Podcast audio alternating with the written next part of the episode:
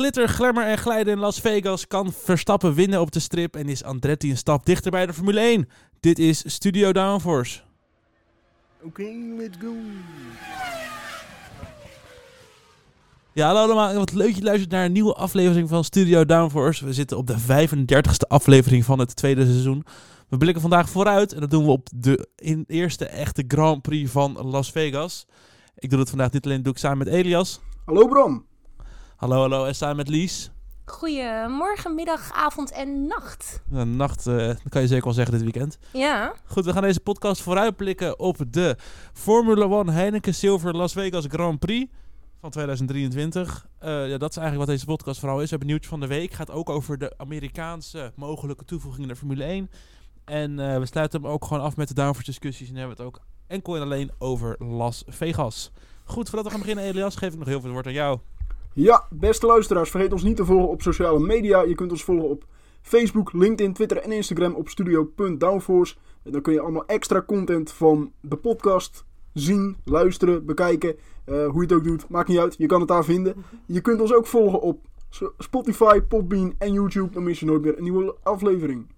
Zo, dat ging toch beter als je het uitschreef. Goed, we gaan beginnen.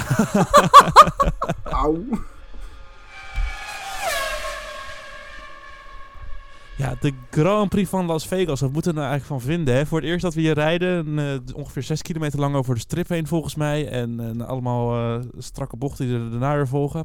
Ik ga aan jullie vragen. Normaal vraag ik na afloop van elk raceweekend, wat, vinden jullie van de wat vonden jullie van de race in drie woorden? Nou, wat vinden jullie van het circuit in drie woorden? Lies?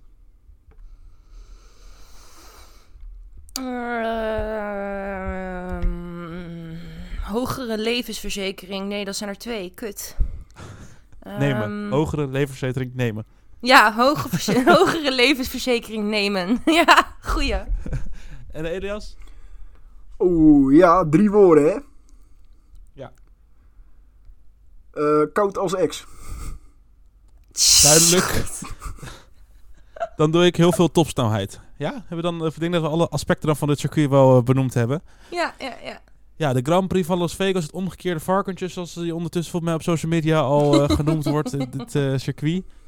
Eh, we zijn racen er voor het eerst dus. De vorige keer dat we in Las Vegas waren, was het over de parkeerplaats van een van de casino's daar. En nu gaan we dwars door alle casino's heen bijna.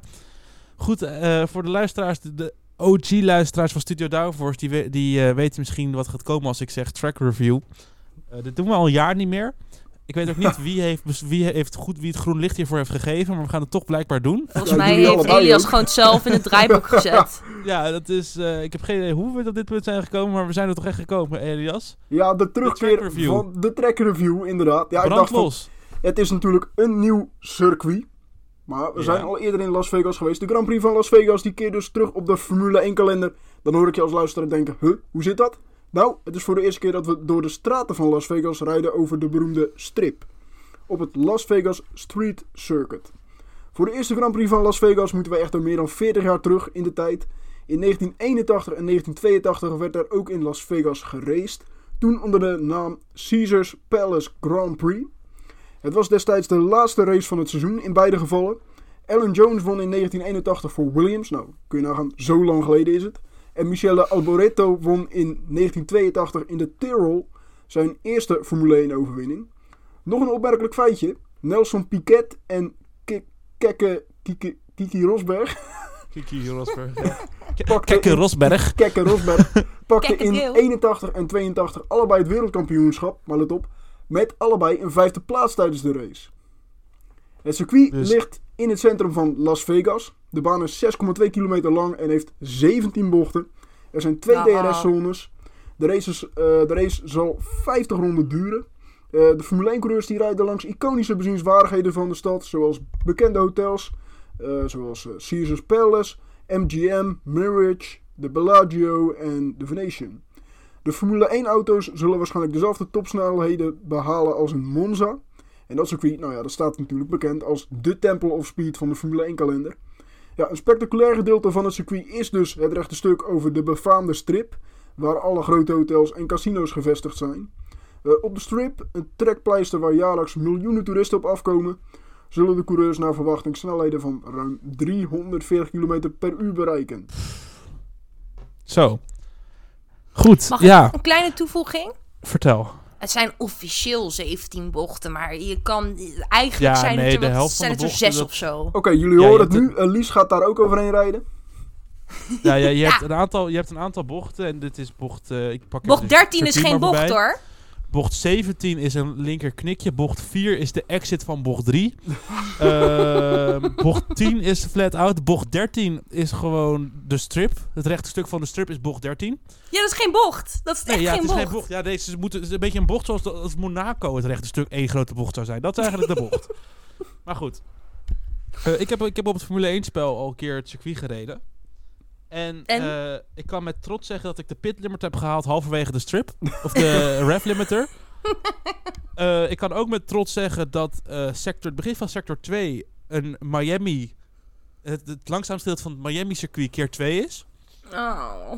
Ehm, dat in bocht 1, en daar durf ik best wel wat geld op in te zetten, dat daar een crash gaat zijn in de Grand Prix met een coureur die op koude banden de pitlaat, eh, pitlane uitkomt en een coureur die op volle snelheid bocht 1 ingaat. Ja, want die gaat Want die de, pit exit komt is daar recht echt een ramp keer 3. Ja. En er eindigt iemand eh, eh, bij die, die bocht 14 niet haalt in de Grand Prix en kaart rechtdoor schiet daar. En waar En kom dat, je dan dat is aan uit? het eind van de strip. Waar kom je dan uit? Daar kom je uit in, eh, in LA. Als je, daar, als je Nice. daar niet op tijd remt in bocht 14. wow. Ja, nou goed. Het is, eh, we kunnen wel heel erg lang gaan hebben over wie, er gaat, wie we verwachten dat gaat presteren, wie niet. Volgens mij is het één grote onbekende. Ja, Ja. ik denk wel. Ik heb wel heel veel zin om, eh, om half zes ochtends de tv aan te zetten. Ik heb nog Ja, nooit vrijdag. zoveel zin gehad om eh die eerste vrije training te kijken. Ik Ja, denk dat dat, er heel wat ramptoeristen, net als ik zijn, die het toch wel even willen zien. Ja, ja dat ongetwijfeld. ja. Ja, het is natuurlijk best bijzonder, want voor ons is het nu eh, vrijdagochtend, zaterdagochtend, zondagochtend alsof het een weekend is in Japan of in Australië. Ja. Maar het is natuurlijk op papier, dat is voor het eerst ooit, hebben we een Grand Prix op zaterdagavond. Ja, en bij hun zijn toch ook de sessies. eh, ja, de sessies zijn bij hun ook een dag eerder. Ja, precies. Dus in principe hebben zij op donderdagavond hebben zij de, de eerste en tweede vrije training. Vrijdagavond de derde vrije training kwalificatie. En zaterdag de race. Omdat het gewoon voor de Amerikaanse kijker beter is. Nou, Gaan we vaker zien trouwens volgend jaar hè? in, eh, in eh, het Midden-Oosten. In, tijdens Ramadan hebben we ook volgens mij dat we op zaterdag gaan racen. Maar dit is niet voor de Amerikaanse kijker gedaan. Hè? Dit is voor om de Europese tegemoet te komen. Ja? Ja, want anders hadden wij al middernacht ons bed uitgemoeten. Oh ja, fair. Dus, dus, dus, dus daar, daarom, zij denken natuurlijk wel ook een beetje aan de kijkcijfertjes. Ja, tuurlijk. Ja, die hebben door dat, ze- dat ze niet in- alleen maar in eh, Amerika die views gaan pakken. ja. Maar goed, het zijn 50 rondjes. eh, ja, 6,2 kilometer. Elias zei het al eventjes. Ja, we kunnen het uren gaan hebben over wie, wie er gaat presteren, wie niet. We moeten dit weekend maar gewoon gaan aanzien, denk ik, hè? Ja. Ja. Goed, dan gaan we door. En ik realiseer me dat ik deze niet kan instarten. Dus dat mag Lies nu eh, in de post-edit gaan doen. Naar het... Het nieuwtje van de week, week, week. Sorry, deze heb, ik, deze heb ik er niet in zitten. Het nieuwtje van de week. Eh, Lies, brand los zou ik zeggen. Ja, het nieuwtje van de week wordt een, eh, de TED Talk. De toelating Andretti voor Dummies door Lies. Hey, welkom. Ik ben Lies. Van de Mies voor de Mies. Van Lies, voor Lies en door Lies. Nee, eh, best wel legendarisch nieuws komt er eigenlijk eh, op het moment dat wij de podcast opnemen, dinsdag 14 november 2023, naar buiten. Namelijk dat er een nieuwe eh, motorleverancier wil toetreden tot Formule 1. Eh, General Motors heeft zich aangemeld. Eh, die wil graag vanaf 2028 motorleverancier worden in de Formule 1. Eh, wat valt daaraan op? Nou, 2028, eh, niet 2026. Dus dan denk ik bij mezelf, leuk idee, maar die mensen hebben dus echt nog wel wat tijd nodig voor de uitvoering. Ehm, maar wat is nou eigenlijk het. Waarom is het big news? Is dat door de toetreding van General Motors wordt de kans dat Andretti als team toegelaten wordt eh, tot de Formule 1 wordt een stukje groter. En dan denk je bij jezelf, huh, hoe dan? Nou, laat het me even uitleggen is eh, Andretti die wil natuurlijk al heel lang in de Formule 1 komen. Dat is een heel succesvol Amerikaans eh, automerk, maar die zien natuurlijk ook heel veel eurotekens in de autosport, de Europese autosport, namelijk voornamelijk Formule 1. Eh, zij hebben in 2021 eh, al geprobeerd, geloof ik, Sauber over te kopen. Maar die gingen uiteindelijk er met Audi vandoor. Dus dat ging allemaal niet zo goed. En toen dacht Andretti bij zichzelf van... joh, we gaan nu maar eh, het in ons eentje proberen... en proberen om ons eh, in te schrijven. Nou, ehm, de andere tien teams, de huidige tien teams op de crit... die zijn daar natuurlijk niet zo heel erg blij mee. Die staan niet echt te springen voor een elfde team. Waarom niet? Is eh, de prijzenpot wordt niet meer... Dus uh, je hebt nu zeg maar een taart die je in stukken kan verdelen. En dat worden nu tien stukjes en dat worden dan elf stukjes. Dus iedereen gaat er uh, een beetje qua kosten op achter. Of qua, qua winst, wat je krijgt aan het einde van het seizoen, gaan er een beetje op achteruit. Nou, heeft Andretti heeft uh, begin dit jaar zijn ze natuurlijk dat proces doorgegaan met VIA voor een eventuele toelating. Toen hebben zij al aangekondigd dat ze met General Motors van plan waren samen te werken. Alleen als General Motors een beetje als, ja, als een soort sponsornaampje, weet je wel. Zou het een beetje naam op een stickertje op de auto zijn, zeg maar. Um, nou, ze hebben zich samen met vier andere teams hebben ze zich uiteindelijk aangemeld. Uh, daar hebben we het al uitgebreid over gehad. Want Bram heeft 24.000 keer. ja, ik, ja, ik ga het niet eens uitspreken, maar dat woord heeft hij, heeft hij in de podcast gebruikt. Kiezen. Um, en uh, de eerste ronde was voornamelijk aantonen of je genoeg monies had. Nou, dat konden ze allemaal wel. En uh, Andretti is uiteindelijk de enige die door de eerste twee rondes heen is gekomen. Maar Andretti zou nog niet genoeg toegevoegde waarde hebben voor de sport. En dan voornamelijk op elektronisch gebied. Ik bedoel, het is wel een bekende naam en het neemt heel veel kijkers en geld, sponsors, whatever mee. Maar in de sport zelf, op het gebied van techniek en zo, nemen ze dan natuurlijk, ja, niks mee. Ja, Maar Hmm. dat is nu natuurlijk wel weer anders. Wat wil je mee, Elias? Wil je iets nou ja, zeggen? het is natuurlijk wel opvallend dat ze dan op elektrisch of op technisch gebied eh, niks zouden toevoegen. Want ze, ze rijden in de IndyCar, ze rijden in de Formule E. Dus ze hebben Ja, wel technische ervaring. Eens, eens. Maar het, schij- het, het was, het, was, het, het was niet voldoende. Ja, maar toch Wat- ook gewoon een beetje excuses zoeken. Ja, hé, dat denk ik ook wel een beetje inderdaad. Dat goed, het excuses zoeken wordt. Maar hierdoor, door het feit dat zij nu eh, ook een motorleverancier hebben... Ja, dat verandert het hele plaatje. Dat, eh, weet je, op dit moment eh, gaat Andretti de discussies in om echt met de, met de huidige F1-teams in discussie te gaan. En het enige puntje van kritiek wat er was, is dat men in de Formule 1-wereld vond dat Andretti niet te veel, niet veel technische toegevoegde waarde had. Maar dat is nu natuurlijk wel anders. Ja, nee, dat, dat begint steeds meer een argument te komen voor Andretti dat ze er wel natuurlijk in moeten. Ja, ja het, wordt, het wordt nu een stuk lastiger eh, als Toto Wolf zijn. eh, want hij, hij was tegen, toch? Geloof ik ook. Ja, dat, dat was inderdaad een van de mensen die voorop staat om het eh, wordt in echt ieder een geval stuk, wat... la- ja, het wordt een stuk lastiger nu om te beargumenteren waarom dit niet, niet, niet zou mogen. Of waarom Ja. dit niet, niet goed zou Ik zijn voor natuurlijk de ook sport. aanzien komen dat dit weekend in Las Vegas gaat Andretti natuurlijk echt flink lobbyen. Die zullen waarschijnlijk interviews hebben met elke mogelijke broadcaster die dat wil eh, dit weekend. Die zullen bij elk team minimaal drie keer handtekeningen vragen. Ja, die Er gaat dit eh, weekend denk ik dat er veel gaat zijn. gebeuren, positief en negatief op dit on- de onderwerp. Het is in ieder geval eh, wel weer interessant. Ik vind het wel weer interessant. En eh, ik zie dit ook dan wel gebeuren. Is dat dit, wordt, dit wordt sowieso een Netflix-aflevering, jongens. 100%. Och, En ik heb er zoveel zin in. same. Over Netflix gesproken, streamingdiensten, gaan we het hebben in de downforce discussies. En wat ook voorbij komt, ik ga, ga ik als tip van de sluier geven. We gaan het ook over hebben over de FOM, as Oh, usual. gelukkig niet Mick Schumacher. Wie weet. Ja, de downforce discussies. Welke geruchten spelen er nou in de Formule 1 eh paddock? Oh, paddock mag natuurlijk ook dit weekend niet meer zeggen. Wat is het dan?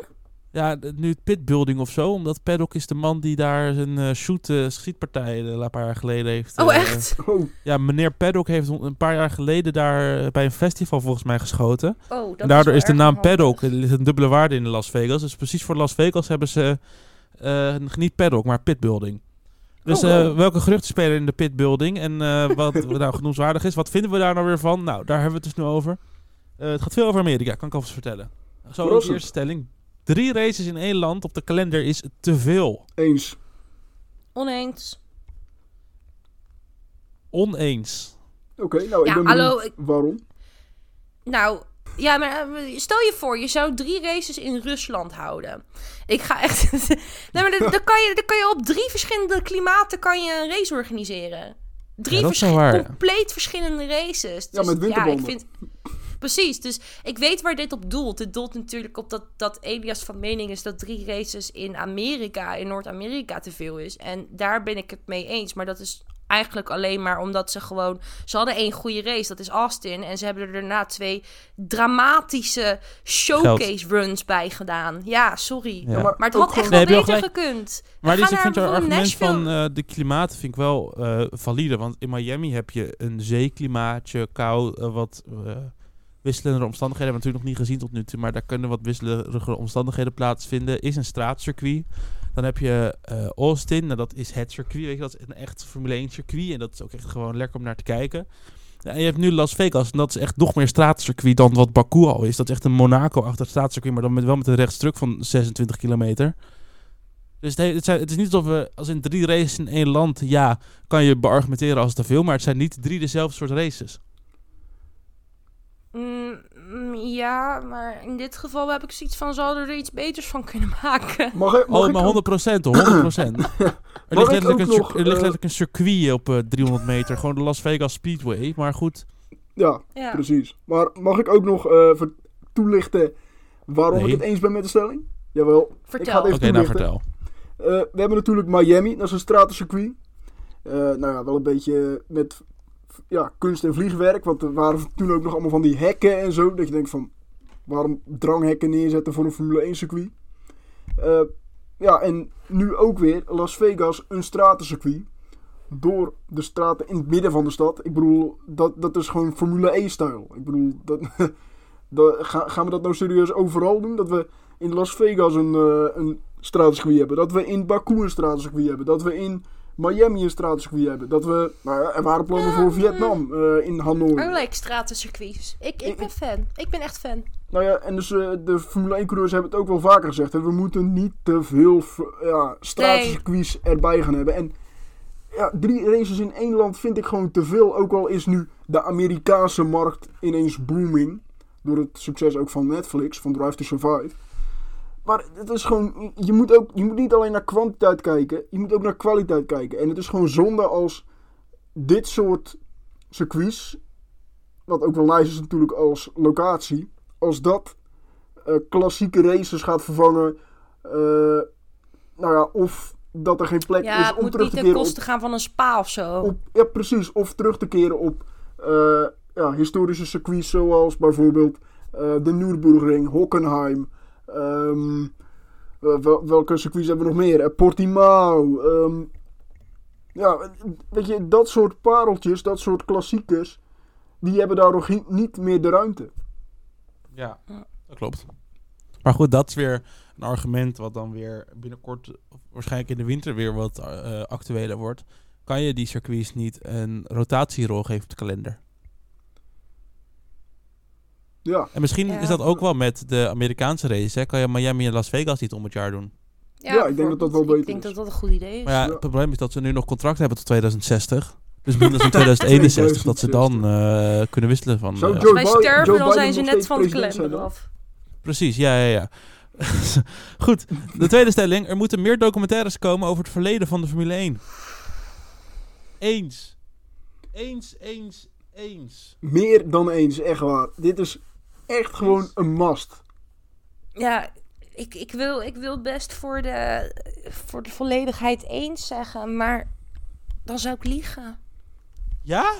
Ja, gast, ik, ik, ik kijk die documentaires niet. Weet je hoe vaak ik heb gekregen, gehoord dat ik die Senna-documentaire moet kijken en ik heb het nog steeds niet gedaan.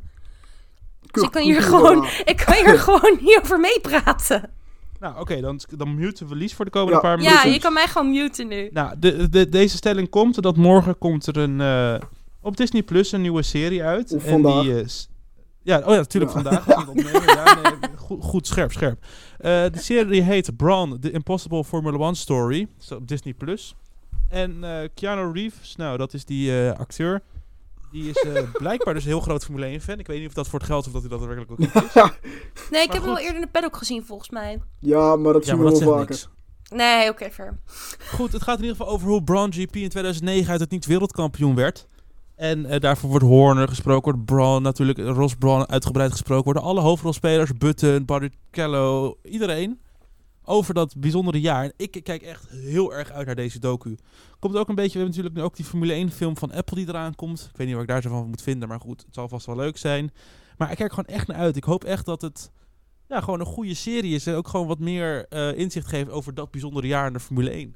En ik vind, er kan niet genoeg van dit soort dingen zijn. Ik wil ook over Crashgate ooit nog een documentaire. Ik wil over de Schumacher-dominantie bij Ferrari een documentaire. Ik wil weten hoe Mercedes in 2013 die hybride motor heeft gebouwd. Wil ik een documentaire van. Ik wil een documentaire over hoe Vettel zijn wereldtitel heeft gewonnen bij Ja, eh, Red Bull. Ik wil een documentaire over... Nou, ik kan... ik wil een documentaire over Kimi Räikkönen. Ja, over 2007, hoe hij, hoe hij wereldkampioen... Hij is de meest recente Ferrari-wereldkampioen, verdomme. Ja. Nou, Ik wil een documentaire over Vettel bij Ferrari. Hoe de droom van dat eh, Schumacher na wilde, hoe dat niet is gelukt. Ik, ja... Ik Sentiment, sentiment. Ja, nee, Ja. Ik, ik, snap, ik snap je, ik snap je. nou Bram. Ik kan denk ik oprecht een hele dag met ideeën opkomen voor documentaires over het verleden van de Formule 1. En ik kan niet uitgepraat Bram, raken Bram, eh, nou hou dat vast. Want wie Ja. weet wordt dat wel gedaan in de toekomst. Door ons Ja. misschien. Nee, maar dat is ook wat ik zei van. Ook over wat er nu allemaal speelt. Ik wil een documentaire over 2021, het seizoen 2021, punt. Ik wil een documentaire over hoe Andretti de Formule 1 is gekomen. Ik wil een documentaire over hoe Vietnam nooit op de kalender is gekomen... terwijl ze een volledig Formule 1 circuit hebben neergebouwd. Ik heb meer gereisd het Formule 1 spel over het circuit van Vietnam... dan dat de coureurs het hebben gedaan. ik, Ja. ik draaf nu door. In ieder geval heel veel. Sorry, wil iemand anders nog iets zeggen over deze stelling of kunnen we door? Nou, nou We ik, door. ik, ik ben het gewoon helemaal Oh. mee eens met wat je zegt, Bram. Want die geschiedenis van de Formule 1 is zo, eh, zo groot eigenlijk nog. En voor heel veel hedendaagse fans, die nu fan zijn van de, eh, ja, de, de moderne Formule 1, die, die hebben misschien nog nooit van een James Hunt of een Nicky Lauda gehoord. Of eh, Juan Ma- Manuel Fangio. nou ja, Michael Schumacher kennen de meesten nog wel. Maar Oh ja, wie is dat? ja, precies. Welke boomer zegt dat? Nee, nee maar eh, dat bedoel ik. Want, eh, voor sommigen is het gewoon onbekend. Eh, de- die kennen misschien nog ja, de, de, de jaren van 2000 nog wel, 2010. Eh, maar ja, de- ik denk dat heel veel mensen, als je zegt van wat weet je van de Formule 1 voor of na 1990. Dus nou ja, eigenlijk voor 1990. Dan, niks. Precies. Precies, dus ik denk dat er zoveel winst nog te halen valt daaruit. En dat, dat het ook best wel, ja, best wel leuk kan zijn. Ja, en ik denk dat ook gewoon voor de historie en ook voor de fans die nu klagen dat Red Bull te dominant is, dat ook een soort van goed in de spiegel kijken is van hoe het in het verleden is geweest. Ja, Goed, de derde stelling dan. De FOM moet wegblijven van het organiseren van eigen races. Hè, hè? Ik, We- ik zweer het je, Bram. nou, Ik zit al 20 minuten te wachten tot ik mag. Nou, brandlos. Nou, de, de- ja, de FOM, weet je, eh, ze moeten, we moeten ze wegblijven. Ja, als ze zo doorgaan, wel, inderdaad. Eh, maar ik wil gewoon even haat op Las Vegas. Weet je, ik, met alle respect, jongens, dit wordt toch één groot drama. dit wordt toch een drama. Ik, zeg, ik zweer het je. Je hebt ten eerste geen ruimte. Je hebt een pit, een pit exit die inderdaad zo hup in racelijn zit. Het wordt 4 graden. Het wordt s'avonds gehouden. Eh, er ligt geen rubber op de baan van supportklasses. Ik, ik- de- I can't. I just can't. Dit is zo dom. Dit is zo dom. Echt, straks sterft er eentje. Hoe ga je dat uitleggen aan de familie? Ja, dan ga je wel heel ver door, maar het, inderdaad... Zo koud is het ook weer ehm, niet. Ja, nee, Het is... Het is Het heeft ook niet per se te maken met je stelling, maar dit was het enige moment waarin ik het kwijt kon. nee, ja, tuurlijk. Nee, kijk, als in de Formule 1 normaal is, een, ehm, is er een organiserend eh, team dat de race organiseert. Zoals in Nederland hebben we de Dutch Grand Prix Organizer. Ja, En ik zeg het goed als de FOM deze in handen heeft genomen, toch? De Las Vegas Grand Prix. Volgens mij is dit inderdaad wel iets wat zij heel graag wilden. Net als Miami, toch? Of nee, Liberty Media heeft volgens mij hier het voortouw ingenomen. Het was in ieder geval... Media het is is, toch ook... Ja, nee, het, het, het, gaat hand in hand inderdaad. Maar het is, Ja. eh, de FOM heeft dus, eh, waar je normaal een soort van aparte organisatie hebt die de race organiseert, is dat nu best wel hand in hand gegaan met Liberty Media samen. Eh, dus eigenlijk, ja, deze stelling komt er neer van, ze moeten dit gewoon niet doen. Blijf gewoon de, eh, het uitvoerende en niet het organiserende.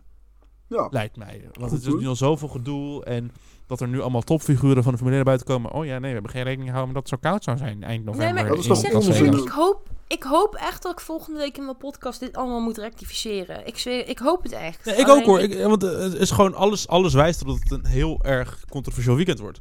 Ja, ik denk dat het nog wel heel erg... Ook wel eh, leuk. dit gaat, het, is echt, Zeker. het is echt waard om je wekker Een te podcast van zetten. in anderhalf uur volgende week. ja. Eerste en tweede helft. Die kans, Precies, ja. Verlenging. we kunnen ons alvast voorbereiden. ja. Goed, dan eh, de laatste stelling. The right to... Het Nee, jullie right hebben je to- mening nog niet gegeven. Oh ja, nee, maar ik heb je ook niet zoveel... Ja, ik, ik sluit me aan bij jou, Lies. Ja, ik sluit me ook aan bij jou. Ja. Thanks. En ik denk dat ik er meer over kan zeggen volgende week. Misschien moeten we deze stelling volgende week weer doen. Ja, goeie. Goed, laatste stelling. De, het right to review proces moet op de schop. En waarom, Bram? Nou, we hebben het hier vorige week over gehad. Haas had een right to review eh, ingeleverd vanwege de, op de uitslag van de Grand Prix van Amerika. Omdat er teams, coureurs over de track limit zouden zijn gegaan en de VIA daar niks aan heeft gedaan. Goed, dat Ja. werd eh, na de podcast dat hij online is gekomen, een paar dagen daarna, werd dat afgewezen door de VIA. Omdat er dus geen nieuw doorbrekend bewijs zou zijn geweest. Wat best wel klopt, want hun nieuwe doorbrekende bewijs waren board, eh eh, onboardcams die ze Dat is gewoon al de hele race ook hadden. Bewijs. Eigenlijk, eigenlijk gewoon baanbrekend, hè? Ja. Ja, letterlijk baanbrekend. maar goed, we hebben dit jaar al eh, vier, een viertal eh, right reviews gehad. Haas hadden we gehad, Aston Martin in eh Saudi-Arabië, Ferrari in Australië met Sainz, McLaren in Canada. Ja, de VIA zegt nu, we gaan het anders doen. Of de, VIA wil het anders doen, is nu wat onder andere motorsport.com meldt. Ze willen in plaats van 14 dagen, die het nu is, dat teams de tijd hebben om een right review te doen, moet het vier dagen worden. 96 uur. En Ja. er komen ook fees bij. Dus ook eh, dat je iets moet betalen om überhaupt een right review aan te mogen vragen. Mm, Nee, nee, nee, nee, nee. Volgens mij zijn het de, de fees. De, er is nu een fee toegekeurd van wat je krijgt. Als je hem toegewezen krijgt, toch? Oh, dat weet ik niet. Maar je, moet- als in wat de VIA nu wil, is dat je moet betalen om hem in te dienen. En als je gelijk krijgt, dan krijg je het geld terug. Oh, dat is een soort borg. Ja, ja het is een soort borg. En als je dan, als je dan niks hebt, dan, dus dan komt er een soort van eh, belang bij dat je, dat je niet gewoon zomaar in kan dienen. Nou ja, ook een goed Dan moet je echt punt. wel zeker zijn van je zaak. Echt, van deze stelling, ik, ik, ik denk bij mezelf, schaf het helemaal af. Want er wordt, het wordt toch nooit goedgekeurd. Trouwens, Bram, jij had onze kijkers beloofd dat jij eh, erop terug zou komen wanneer de laatste Ride of Review goedgekeurd werd. Ja, dat heb ik dus niet gedaan. Nee, dat Maar dacht eh, ik wij al. praten er wel even overheen. Eh, de Right of Nee, maar eerlijk, ik bedoel, als je, als je hem nooit gaat... over het algemeen, voor mijn gevoel, worden ze bijna nooit goed, goedgekeurd. Nee, omdat daarom. het een slager is die zijn eigen vlees keurt, toch? Ja, eigenlijk wel. En het is eigenlijk vergelijkbaar met het referendum hier in Nederland. Ja, je hebt er niks aan, want er, ge- er gebeurt toch niks. Ja, zo van leuk dat je je mening hebt gegeven, dankjewel. eh en weer door. Ja. Ja, dus dat denk ik bij mezelf. Ik kan je hem net zo goed helemaal. eh, of, of hij moet inderdaad. Of hij moet juist democratischer. Maar ik vind het ook al heel wat dat je zegt dat je die twee weken beperkt tot vier dagen. Wat nou als je er na vier dagen achter komt dat er toch, een- dat er toch iets met de voorvleugel van je tegenstander was. Omdat Max Verstappen hem even bij de volgende race aanraakt, weet je wel? Het is net een klantenservice. Ja, bedankt voor je kritiek. Eh, we gaan ermee aan de slag. Is dat trouwens niet, zat ik nog te denken, is dat niet de laatste Ride of Review geweest? Wat laatste rider? Of was dat geen Ride of Review? De, die, die achtervleugel van Mercedes. Toen heeft Red Bull toch een protest ingediend? Of was dat niet Eh, Nee, toen heeft, voor een toen heeft Red Bull tegen VIA gezegd, je moet zijn achtervleugel checken. Want toen had Verstappen gezien dat er verschil in zat. Oh, Mensen, toen ik waren snitjes. Oh, vertel, vertel. Ferrari. De laatste ride to review die is goedgekeurd was dit jaar. Oh, oké. Wat? Wanneer? Eh, ik heb hem ook al genoemd. Aha. In Jeddah had eh, Alonso een derde plaats ge- ge- veroverd. oh ja. En toen zei de VIA na afloop, jullie hebben de vijf seconden niet goed ingediend, omdat ehm, de krik tegen zijn achtervleugel aan was gezet. Ja, Oh. dat is ook helemaal niet zo heel erg breed in het nieuws volgens en toen mij heeft, opgenomen. toen heeft Aston Martin gezegd, zeg maar kijk, we hebben andere beelden van andere teams. En daarbij eh, is te zien dat, eh, dit ook, dat het gewoon geen straf is opgeleverd. En dat was dus nieuwe evidence. Ehm, ja. Dus ja, Kutzooi. en eh, vooral nieuw evidence wat op dat moment niet bes- bes- beschikbaar was. Ja, ik ben weer te hars geweest voor via kut. Ja, dus... Sorry mensen. ehm, nee, maar het is oké. Ik bedoel, we zijn, hem heel snel vergeten. Ik was hem ook vergeten, maar gelukkig eh, kwam ik heel snel bij. ja, maar goed. nee, goeie. Concluderend, Ruiter Review moet op de schop. Het moet er wel blijven, denk ik. Maar Eens. Want anders krijg je dat de VIA van alles kan beslissen zonder dat de teams er iets aan kunnen doen. Er moet altijd iemand controleren, maar eh, de- ik, ik, hou het, ja, eh, hou, hou toch je bek met die, met die, met die eh, vier dagen. Precies. maar er stond wel een artikel, want het is natuurlijk ook nog lang niet rond. Ehm, Nee. De stewards kunnen het verlengen als er blijkt dat er een team eh, daarmee bezig is. Ja, maar dan, waarom pas je de regels dan überhaupt aan? Dit is toch gewoon Omdat weer ja, meer ze willen een basis zetten. En dat wordt dan verlengen naar 120 uur en niet de twee weken weer. Ik word hier zo moe van. Goed, maar ja, daar, misschien eh, wordt er ergens in de winststop bekend en hebben we nog een beetje content waar we over kunnen lullen. Ja, Voordat ik ga afsluiten, Elias, geef ik nog heel wat woord aan jou. Ja, beste luisteraars, vergeet ons niet te volgen op social media. Daar kun je ons volgen op Facebook, LinkedIn, Twitter en Instagram. Je kunt ons volgen op studio.downforce. En je kunt ons volgen op Spotify, Podbean en YouTube. Dan mis je never, nooit meer en te nimmer een nieuwe aflevering. En zo is dat. Dit weekend dus de Grand Prix van Las Vegas. Voor de bingo kaart als je die maakt. eh, ik heb nog een aantal suggesties. Eh, een trouwerij. Eh, een coureur die in bocht 1 crasht met iemand uit de pitlane komt. Ik heb nog dat de, die hele grote bol een meme laat zien. En ik heb nog eentje. En Koude bandjes. vergeten. Koude bandjes had je. Crash. koude banden. Klagen over koude banden. Nou, ik gok wel dat er iemand bingo gaat halen. Mooi. Goed, dan gaan we naar tijdschema nog heel even snel. Lies zei het al eventjes. 17 november, de vrijdagochtend om half zes tot half zeven. Eerste vrije training. Ik zeg niet vaak dat het waard is, maar ik denk dat het het waard is. Ja. Dan hebben we eh, om 9 uur s ochtends, dat is al een stuk schappelijke tijd, lekker met het bord op bed. Of eh, eh, ja, ik, ik waarschijnlijk nog op bed, maar andere mensen waarschijnlijk dan aan het werk zijn om 9 uur s ochtends op vrijdag. Tweede vrije training. Dan hebben we de derde vrije training op zaterdagochtend half zes, ook weer tot half zeven. Die hoef je van mij, kan je lekker doorslapen. Want belangrijker is de kwalificatie om, op zaterdagochtend om 9 uur tot 10.